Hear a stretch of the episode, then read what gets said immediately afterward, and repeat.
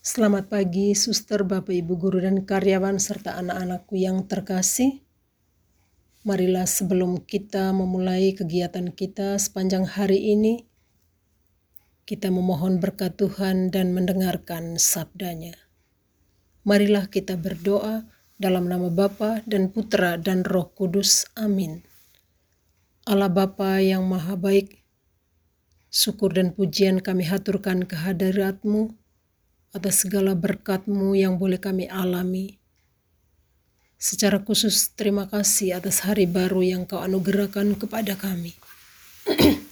Berkatilah kami agar pada pagi hari ini kami boleh mendengarkan firman-Mu. Bersabdalah ya Tuhan, kami hamba-hambamu siap mendengarkan. Inilah Injil Yesus Kristus menurut Matius bab 5 ayat 1 sampai dengan 12a. Dimuliakanlah Tuhan. Bersukacita dan bergembiralah karena besarlah ganjaranmu di surga. Sekali peristiwa, ketika melihat banyak orang yang datang, Yesus mendaki lereng sebuah bukit. Setelah ia duduk, datanglah murid-muridnya Lalu Yesus mulai berbicara dan mengajar mereka, katanya, Berbahagialah orang yang miskin di hadapan Allah, karena merekalah yang empunya kerajaan surga. Berbahagialah orang yang berduka cita, karena mereka akan dihibur.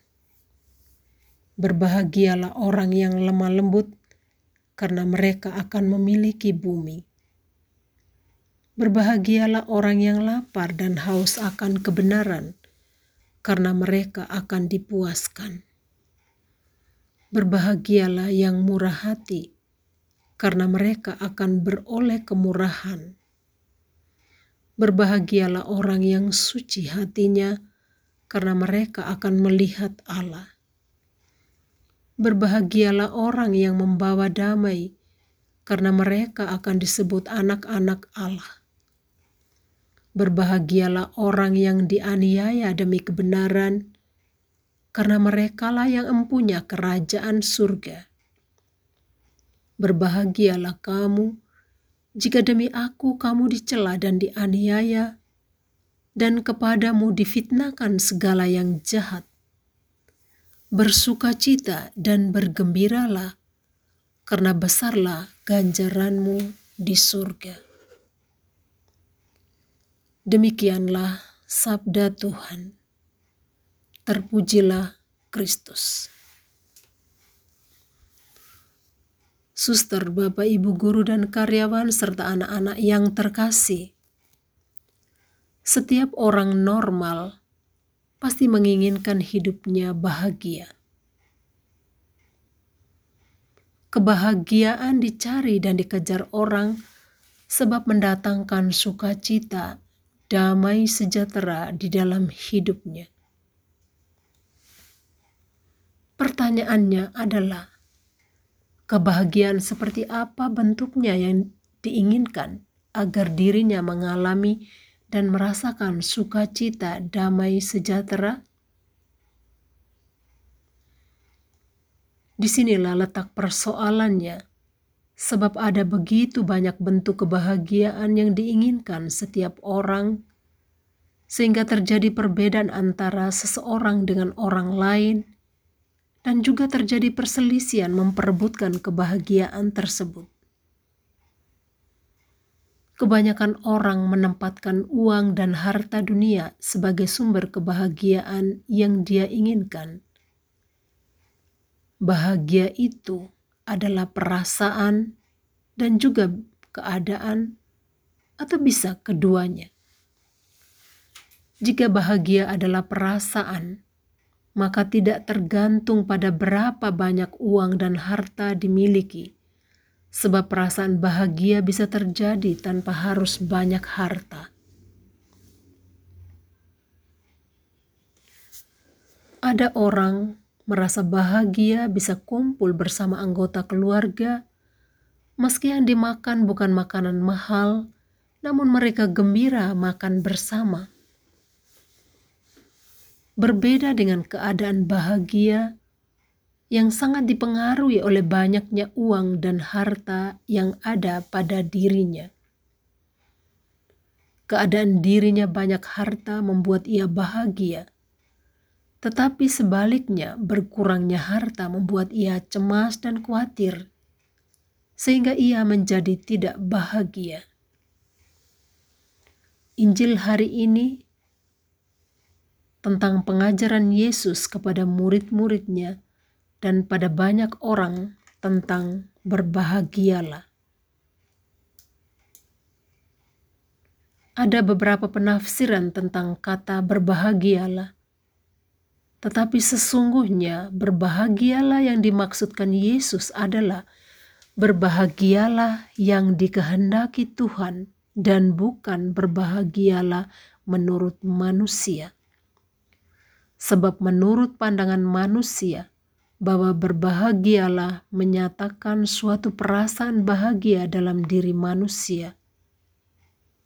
Tuhan pasti memberikan segala sesuatu lebih baik dan lebih sempurna daripada manusia inginkan. Manakah yang kita inginkan?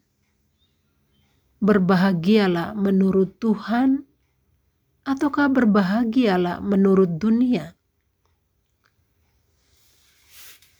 Jika memilih berbahagialah menurut Tuhan, maka kita semua diminta untuk menghayati tentang sabda bahagia yang dikatakan Yesus kepada murid-muridnya pada hari ini. Hari ini kita belajar berbahagia dengan apa pun yang kita alami. Kita menghayati satu kebahagiaan hari ini. Berbahagialah orang yang murah hati, karena mereka akan beroleh kemurahan. Maksudnya, orang yang murah hati biasanya suka memberi kepada orang lain sebab ia tahu bahwa dengan memberi, maka Tuhan akan memberikan kepadanya berkat yang melimpah. Kita juga belajar untuk berbahagia menjadi orang yang suci hatinya, karena mereka akan melihat Allah maksudnya. Orang yang suci hatinya adalah orang yang menjaga kekudusan dirinya dengan menjalani hidupnya di dalam kebenaran yang diajarkan Tuhan. Melihat Allah maksudnya, ia merasakan kehadiran dan penyertaan Allah.